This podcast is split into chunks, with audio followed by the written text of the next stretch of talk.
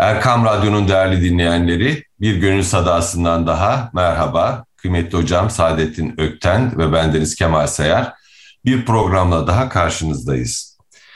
Kıymetli hocam, e, bir e, evvelki programımızda gönüllü sadelik konusuna siz şöyle bir girmiştiniz. Etrafınıza öğütlerinizden bahsetmiştiniz. Nasıl e, ya evet yani günümüzde bir lokma bir hırka belki yaşayamayız ama eşya içinde boğulmadan, ıvır zıvır içinde boğulmadan, evin baş köşesine eşyaları yerleştirmeden, sahip olduğumuza yetinerek, kanaat ederek e, de yaşamayı seçebiliriz. E, siz e, arkadaşlarınıza, dostlarınıza, öğrencilerinize bu sadeliği öğütlediğiniz zaman ee, onlar mutlu oldular mı? Sonuçtan evet. memnun kaldılar mı? Vallahi kalan da var, kalmayan da var herhalde yani. Ee, bu şuna benziyor. Ben ne kadar yapabiliyorum? Ona bakıyor evet. insanlar. Yani sizin hayatınıza bakıyorlar, sizin tercihlerinize bakıyorlar, sözlerinize bakıyorlar, bir de eylemlerinize bakıyorlar. Eski tabiriyle kaville fiilin arasındaki uyuşmaya bakıyorlar, intibaka bakıyorlar. Uyuşmuyorsa çok fazla üzerinde durmuyorlar. Ama uyuşuyorsa e, mesele yok. Ben kendime de öyle bakıyorum. Yani bir şey istiyor gönlüm mesela, heves ediyorum. Sonra diyorum ki bunun bir maliyeti var. Bu maliyet sadece maddi maliyet değil, manevi maliyeti de var. Hayatından bir zamanını alıp götürüyor. Belli enerjini, belli hem zihni enerjini hem kalbi enerjini alıp götürüyor. Bunu aldısına, verdisine vesairesine götürüyorum, e, değerlendiriyorum. Bir de şunu görüyorum ben. Şimdi siz biraz evvel söyleyince eşya ile olan ilişkiyi. Evet. E, eşya ile aramızda bir e, hukuk oluşuyor, bir hatıralar zinciri oluşuyor. Ve siz artık o eşya e, fonksiyonunu veya modasını, fonksiyon değil de modasını kaybetse bile siz ondan vazgeçemiyorsunuz. Bu moda diye bir şey var biliyorsunuz. Bir kavram oluşturdular. İlkbahar modası, yaz modası, kış modası, senenin modası, mevsimin modası vesaire. Bunu şu anlama geliyor. Yani sizin iç eşya ile olan ilişkinizde onun fonksiyonu bitmeden yani o henüz işe yarıyorken modası geçtiği için terk edin, yenisini alın. Tam işte tüketim toplumunun ortaya koyduğu bir argüman bu. Ve bunu yaptığınız zaman siz iyi insan, güçlü insan, tercih edilir insan, etkin insan oluyorsun. Ona bir değer yüklüyor. Esasında öyle bir değer yok. O sizi bir manada sömürüyor. Ee, benim bir Şakir abim vardı. O mu- muhteşem bir adam. Bir zat için o kazanmadığı parayı harcıyor diyordu. Hmm. Dedim abi nasıl oluyor bu iş? E dedi hep taksitle yaşıyor dedi yani. Ve dedi hayatı taksitlerle geçiyor. Adam mütevazı bir maaşı var yani serbest meslek evet sahibi fakat gözü hep yenisin yeni bir şeyleri almakta idi. Yani bu benim kulağımda küpe oldu. Yani bu sözü işittiğim zaman 40'lı yaşlardaydım. Ee, ben de taksitle bir şeyler aldım ama hep dikkat ederek. Neticede yani bizim çevreyle olan ilişkimiz, yani hayat konforumuz, maddi konforumuzdan söz ediyorum. Bizi bir noktada rahat yaşatıyor, doğru. Ama bir noktada da bizi esir ediyor. Bu esarete düşmemek için gördüğüm anladığım kadarıyla iç dünyamızı zenginleştirmemiz gerekiyor. İşte gönüllü sadelik galiba biraz bu istikamette başlıyor. Çünkü iç dünyamızın ihtiyacı maddi konfor değil. Bedenimizin maddi konforunda bir takım sıkıntılar olunca bu iç dünyamızı etkiler. Bunu bunu reddetmiyorum. Bu doğru. Yani açken biz çok fazla bir şey düşünemeyiz. Ama açlığı belli bir noktada giderdikten sonra pekala düşünebiliriz, duyabiliriz, sevebiliriz. Açlığı giderip üzerine tıka basa yedikten sonra ise yine bir şey düşünemeyiz. O Hocam şimdi Jeremy Bentham e, bu e, düşünürler de bazı şeyleri e, yaşarken akıllarına geliyor ya yaşarken düşünüyorlar. Newton'un kafasına elma düşüyor efendim. e, Proust e, bir Madlen kurabiyeyi efendim e, tadarken birden çocukluğuna gidiyor. E, ben tam da e, her sabah baharatlı, zencefilli böyle fındıklı bir bisküvisi varmış. Onu tıkırdatarak kahvesiyle beraber içermiş. Fakat bir gün ilk fincan kahve çok hoşuna gitmesine rağmen ikinci fincan kahveden aynı tadı almadığını fark etmiş. Evet. E, buradan da azalan marjinal fayda e, denen olgu e, tanımlanmış. Yani aslında e, bir şeyin birazı iyi ama bir şeyi ikinci, üçüncü, beşinci defa yaptığınız zaman onun size verdiği haz azalıyor. Tabii. Çünkü biraz ilk, yeri geldi diye araya girdim kusura bakmayın. Yok evet. çok çok güzel. Çünkü ilk ihtiyaç o yani. O, o bir zirve, o tatmin olunca artık ikincisinde tekrar ihtiyaç o kadar zirvede değil. O tatminin getirdiği haz da o zirvede olmadığı için o kadar mutluluk vermiyor insana. Bu çok doğru bir tespit.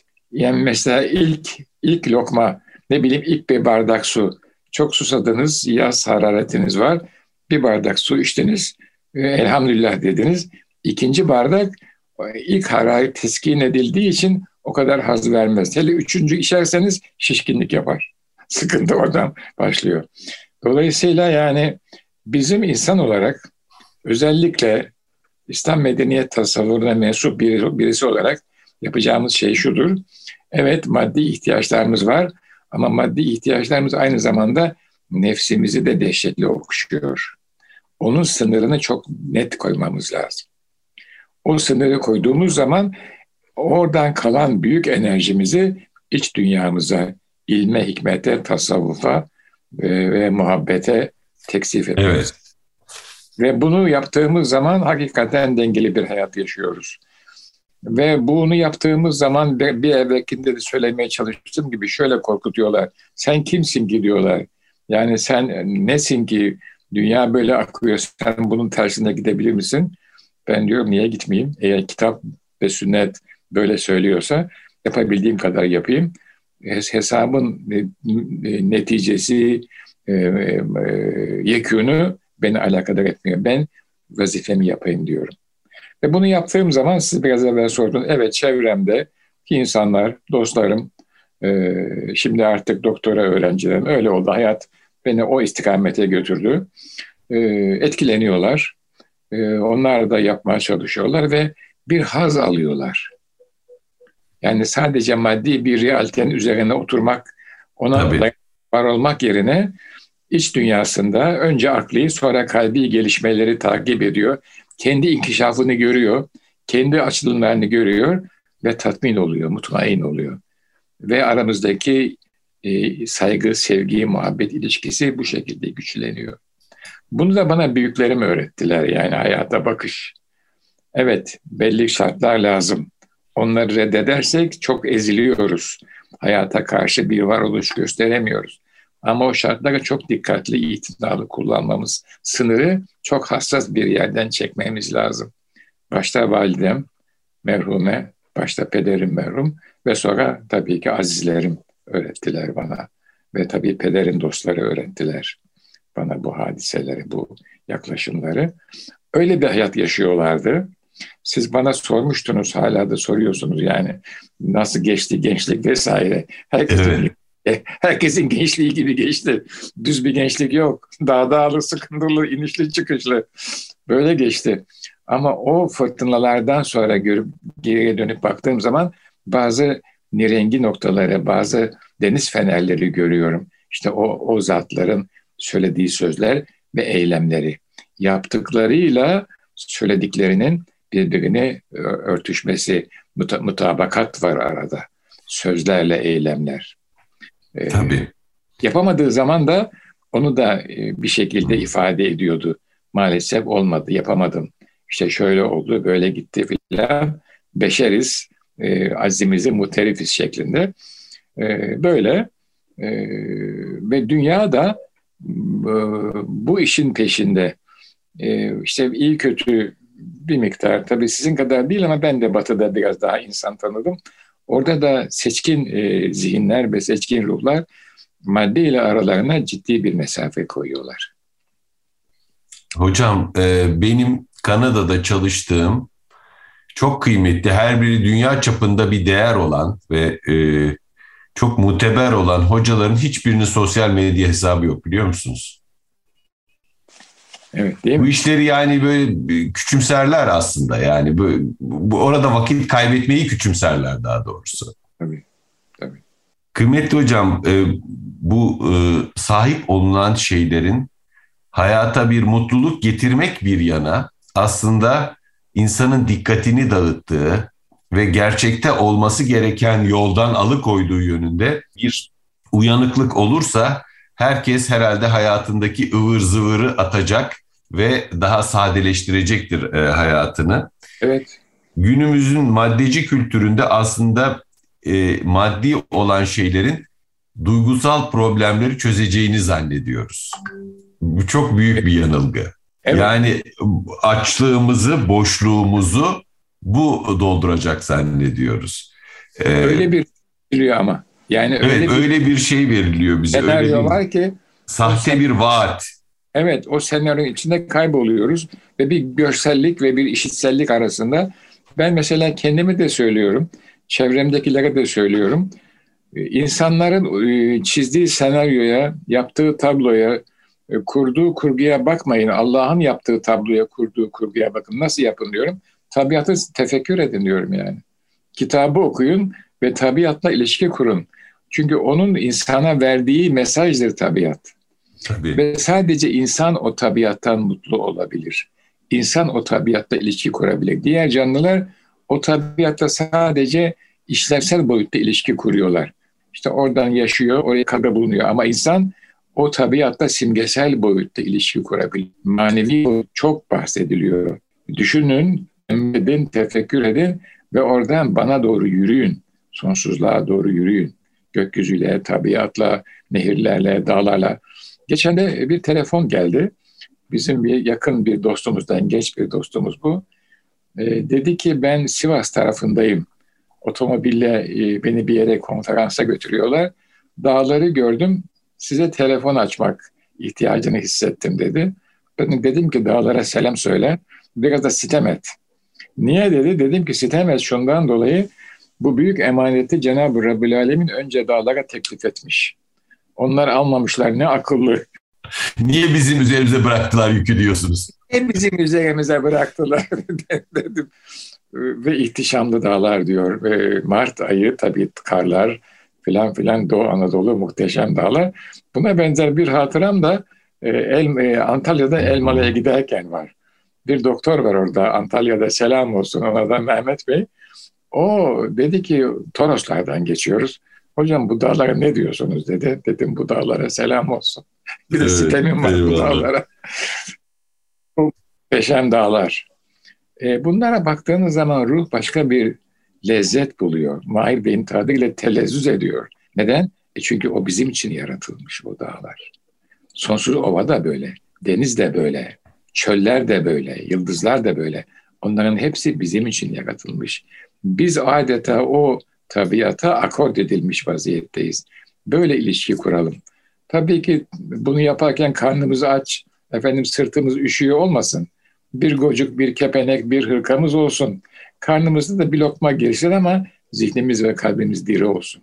Çünkü her aldığımız maddi obje, maddi nesne bize bir yük tahmil ediyor. Vay ne oldu, öteki ne oldu, belki ne oldu diye düşünüyoruz ve hayat böyle geçiyor. Hem maddi yükü var hem içimize bıraktığı ağır bir kesafet var. Bunu denerse eğer insanlar göreceklerdir ki yavaş yavaş o ruhi saadetin kapıları kendilerine açılacak. Mesela siz böyle söyleyince yıllar önce bizim medreseye bir yabancılar grubu beni ziyarete gelmişti. Bir şeyler sordular. Biraz konuştuk filan. Bir Avusturyalı e, şeymiş, diplomatmış. Dedi ki siz böyle söylüyorsunuz ama cep telefonunuz var dedi. Dedim var vallahi işte haberleşiyoruz. Eve haber veriyorum beni arayanlara. Yok dedi benim hiçbir zaman olmadı ve olmayacak dedi yani. Allah Allah ilginç. Ben, ben bu kadar reddediyorum dedi bu cep telefonunu. Çünkü hmm. dedi hayatıma müdahale ediyor dedi. Benim özgürlüğümü kısıtlıyor dedi. İstemediğim anda istemediğim bir haber alıyorum. Dedi. Tabii.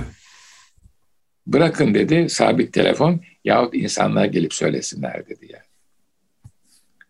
Şimdi geçen gün e, kıymetli Mustafa Kara hocamızla ilgili bir arkadaşımız e, bir hatırasını nakletti. e, tasavvuf tarihçimiz, çok kıymetli hocamız. Ben de çok severim. Evet, e, ona ulaşmak istemiş. Fakat hocamız e, ce, e, telefon taşımadığı için hanımefendi açmış ev telefonunu. Demiş ki şimdi sen demiş o çıktı evden demiş. 20 dakika sonra şu bakkala uğrar bir 5-10 dakika orada oyalanır demiş. Bir orayı ara. Eğer orada da yoksa e, işte bir saat sonra şu kütüphanede olur. Oradan ara. Bizim arkadaş bakkalı aramış demiş ki aa demiş 5 dakika önce buradan ayrıldı. yani ne kadar güzel bir şey aslında. Bir yandan da her arandığında bulunamamanın saadeti kıymetli hocam. Evet, evet. Kafa selameti yani şimdi şu cep telefonu denen şey sürekli zıngırdadığı sürece bir insan nasıl düşünceye derinleşebilir? Ben artık kitap okurken kapatmaya başladım. Çünkü tam kitap okuyorsunuz, dalıyorsunuz, vız ediyor. Bir mesaj geliyor. Zihninize bir kıymık batıyor. Diyorsunuz ki ya acaba önemli bir şey miydi? acaba açsam mı? Tabii, hele sizin. Evet. Danışanlar. Evet. Yani sizin için de galiba vazgeçilmez bir şey çünkü çok size muhtaç olan insan var yani. Benimkiler e, yarın sabah arasın diyorum. Doktora talebesi ise eğer tezinde bir sıkıntı varsa iki gün sonra da göster. Ama tabii adamın öyle değil. O hemen çözmesi lazım o anda ama artık benim nazımı çekiyorlar o kadar ama sizinkilerin zor sıkıntısı, ruhi sıkıntı. Onu onu belki onu belki manevi olarak okuyup üflemek lazım diye düşünüyorum ben yani. Bu Eyvallah. Ya. Tabii. Hocam e, şimdi bu günümüz e, kültüründe maddiyat insanın e, anlamlı sorularının, e, derin arzularının e, yerine geçmiş durumda. Tüketim kültürünün bir çeşit sahte din olduğunu görüyoruz.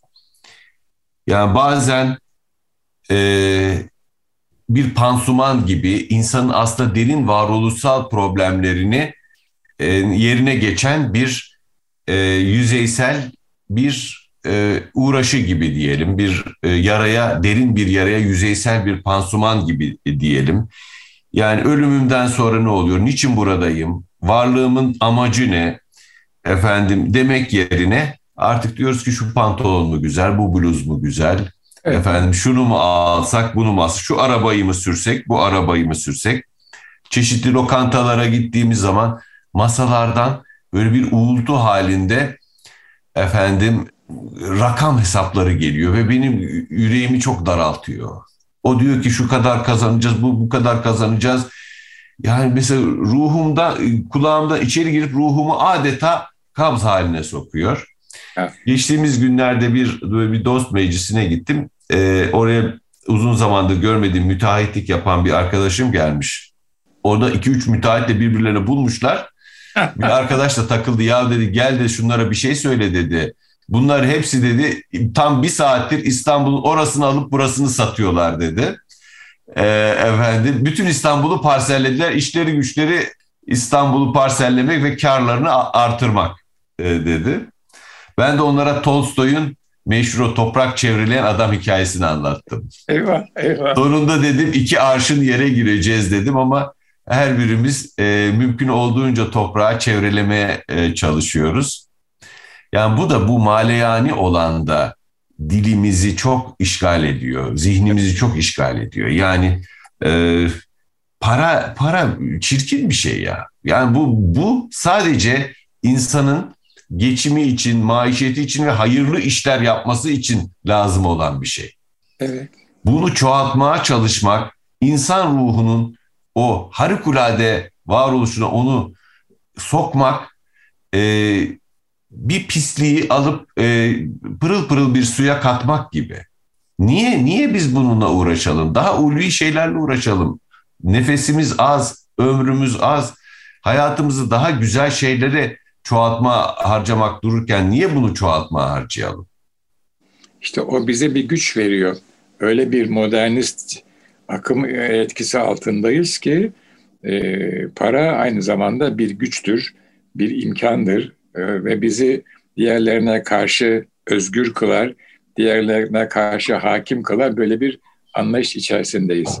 Esasında o bir vasıta o, o vasıtayı gaye haline getirdiğimiz zaman zaten biz hayatımızı kendi kendimize zehretmiş oluyoruz. Kendimiz bir mahbese kapatmış oluyoruz. O bir evet. vasıta, bir gaye değil. E, zaten o vasıta olduğu için geliyor ve gidiyor. E, Allah bizim zaten tekeffül etmiş hayatımızı da, rızkımızı da, kaderimizi de e, bize gösterdiği yolda ilerlemek mecburiyetindeyiz.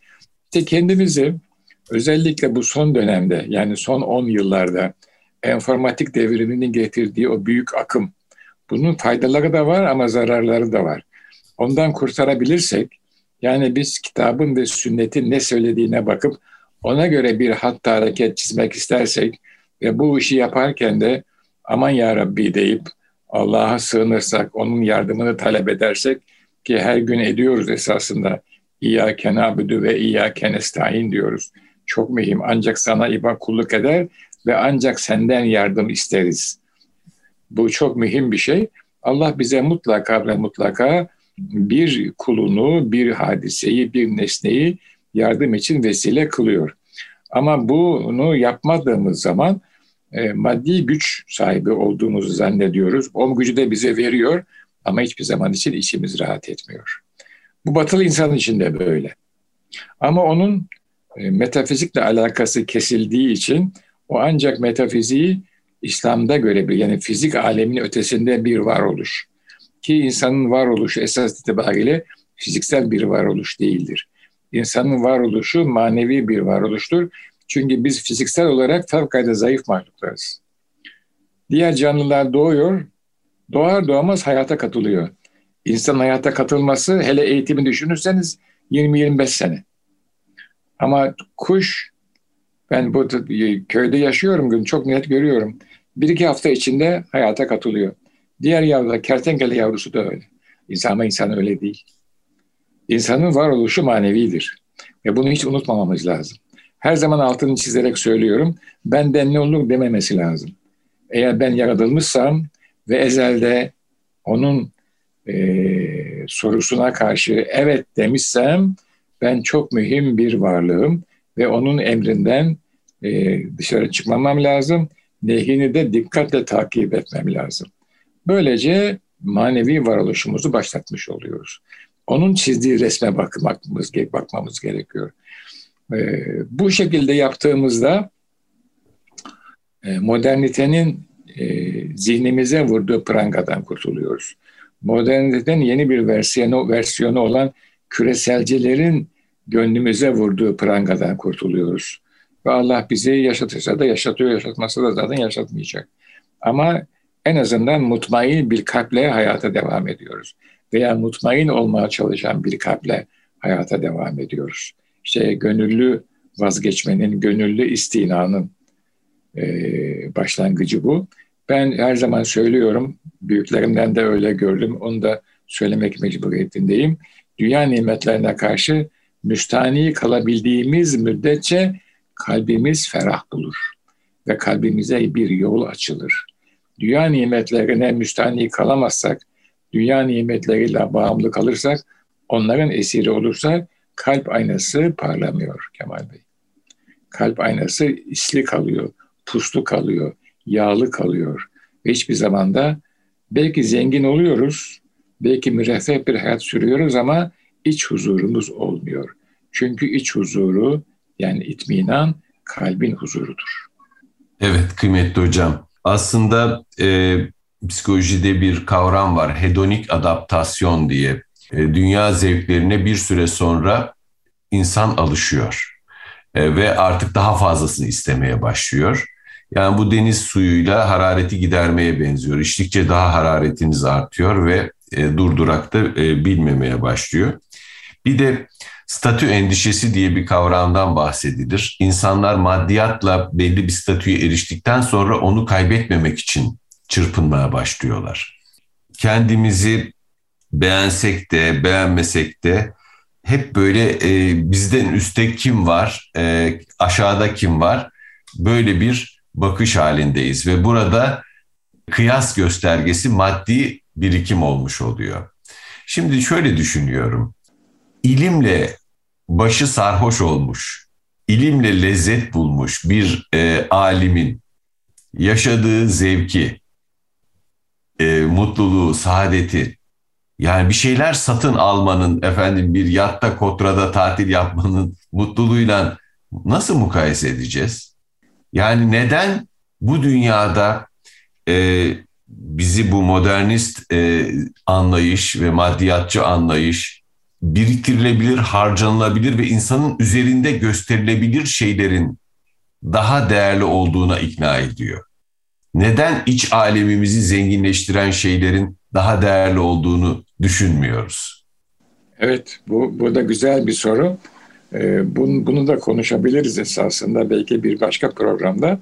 Ama hep söylemeye çalıştığım gibi bu modernite bizi aynı zamanda yüzeysel kalmaya mahkum ediyor. Yani bizi besleyen ana damarları kendisine göre tıkamış veya mandallamış, akımı kesiyor. Bizi yüzeysel bir şekilde iç dünyamıza evrilmeden, iç dünyamızda derinleşmeden olmuşuz, e, yetişmişiz, eğitilmişiz sehabını uyandırıyor bizde. Böyle baktığımız zaman esasında biz bir manada diplomalı cahilleriz. Ve hiçbir şey farkına varmadan sadece onun yani modernitenin tüketim amaçlı e, akımına göre eğitilmiş insanlarız. O çerçeveden çıkıp da yahu ne oluyor? Ben kimim? Hangi birikimlerin üzerindeyim? Hangi birikimlerin varisiyim diye baktığınız zaman ve biraz zaman verip Allah'ın verdiği imkanla bu noktada derinleştiğinizde zaten modernitenin tüketim amaçlı akımının anlamsızlığı, çaresizliği ve sizin derdinize deva olmayacağı çok net olarak ortaya çıkıyor. Bu eğitim sürecini e, e, küreselleşme olabildiğince tıkıyor. Bakınız biraz evvel bahsettiniz, dediniz ki Kanada'daki profesörlerin hiçbirisinin sosyal medya hesabı yok. Niye yok? Çünkü onlar bir başka dünyanın hazzını almışlar. İlim dünyasının hazzını almışlar. Ruh dünyasının hazzını almışlar. Sosyal medyada var olmak gibi bir iddiaları yok. Onun çocuksu buluyorlar hatta zararlı buluyorlar. Çünkü vakitlerinden vakit çalıyor. Zihni ve kalbi enerjilerinden ciddi bir parçayı alıp götürüyor. Ama e, öyle bir trend oluştu ki bu kapıyı kapatıyor insanlara, öbür kapıyı açık tutuyor. İşte biz insan olarak özellikle bir Müslüman olarak altını çok kalın çizeyim. Bu girdaba düşmememiz lazım. Bu hataya e, dahil olmamamız lazım diye düşünüyorum. Ben evet. mesela e, Mehmet Genç'i tanıdım. Elhamdülillah merhum Mehmet Genç. Allah rahmet eylesin. Evet. Tabii. İlmin ve hikmetin zevkini almış bir ruh idi. Buna bir, ciddi bir zaman vermiş. Artık onun için ilmin ve hikmetin ötesinde bir başka haz söz konusu değildi. Bunu bizzat yaşadığında görüyorsunuz. Hayatında belli bir standart var mı? Tabii ki var. Hı hı. Böyle çok düşük değil. Ama hep aynı standartla devam etti. Gezdiği, yediği, içtiği, giydiği, dikkat ettiği. Mesela hayatında şaka ve mizah vardı. Tabii. Hayatında... Biz hocayla Göcek'te tatil bile yaptık. Ya bakın. Tabii bize balık ısmarladı. Tabii, tabii. evet. Tabii. Hocam e, severdi. Yani hayatın nimetlerini meşru dairede tatmayı evet. severdi. Evet. Bir e, estetti yani. Müziğin e, kalitelisini dinlerdi efendim. Güzel yerde tatil yapmak isterdi. Ama hayatını ilim ve hikmetle donatmış bir insandı. Tabii, tabii. İlim değil. Zaten işte onun için çok etkili oldu. Yani bizim dünyamızda ilim ve hikmet birbirinden ayrılmaz. E, modernitenin bir sıkıntısı da hikmeti ilimden kopardı. Ve hikmet ilimden kopunca ilim teknolojinin emrine giriyor. Evet. Burası da çok mühim bir hadise ve teknoloji sayesinde ilim var oluyor. Halbuki ilim bizzat hakikat sevgisidir. Teknoloji başka bir şey. Teknolojinin hakikat sevgisiyle pek alakası yoktur. O bir manada güç güç sevgisidir. Güç taparlıktır teknoloji. O tarafa doğru süratle kayabilir. Ama ilmi hikmete bağlarsanız, hikmetle beraber ilim üzerinde durursanız teknolojiyi frenlemiş olursunuz. Çünkü hı hı. ilim akli bir hadise, teknoloji ise nefsi bir hadisedir. Çok iki tarafta keskin kılıçtır teknoloji. İlim ilimden beslenir ama ahlaki bir problemdir. Hikmet ise kalbi bir boyutu olan bir olgudur. İlimle beraber bulunacak. Neticede yani e, tekrar aynı noktaya belki geliyoruz ama bu gönüllü vazgeçiş, gönüllü istina çok mühim bir hadise ve insanlarımıza e, tatminin, kalbi tatminin e, kapısını açacak olan bir tercih meselesi. İnşallah Allah o kapıyı açsın ve hepimiz de geçelim diye düşünüyorum efendim. Kıymetli hocam, William James'in e, çok orijinal bir adam bu William James. E, psikolojinin kurucu babalarından derin bir adam. Çok e, esaslı sözleri vardır. Bir esaslı sözü de şudur. Bilge olma sanatı neyi gözden kaçıracağını bilme sanatıdır der. Yani ruhu gönlü maleyaninin oltasına takmama sanatı. Evet. Neyi e, ihmal edeceksin? Onu da bileceksin. İhmal etmen gereken şeyleri de bileceksin. Şimdi modern kültürde hep cep telefonlarından yakınıyoruz. Bu işte bir ihmal edememe kültürü. Evet. Gelen her mesaj Aa, çok önemli sanki bir şey olacak gibi. İhmal edemeyince asıl ihmal edilmemesi gereken şeyler ihmal edilmiş oluyor. Çünkü vaktimiz mahdut. Bir de Tabii. bizim zihni ve kalbi kapasitemiz mahdut. Sınırlıyız biz. Tabii. Dolduruyor, dolduruyor bir manada. Valla böyle. Bakalım Allah Az çoktur diyelim değil mi kıymetli evet, hocam? Evet. Az çoktur. Evet az çoktur. Küçük güzeldir. Küçük güzeldir, az çoktur. Dolayısıyla e, sadelik en üstün mükemmelliktir. Kabe-i Muazzama sadedir ama yüreklerdedir. Evet. E, onu sadeliğiyle bizim ruhumuzu yıkar. Evet. O basit görüntüsünün arkasında gizlediği manayla ruhumuzu yıkar. E, aslında insan o basitliğe erebildiği zaman bazı şeylerin künhüne de vakıf olabiliyor. Tabiat acele etmez hiçbir zaman. Ay acele etmez, güneş acele etmez ama insan evladı acele eder. Hele bu son yıllarda, hele bu son yıllarda bitmeyen evet. içindeyiz maalesef. Hayatı yavaşlatamıyoruz. E, çünkü e, bu hızlı yaşamayı ve zamanı sıkıştırmayı bize tüketim toplumu emrediyor.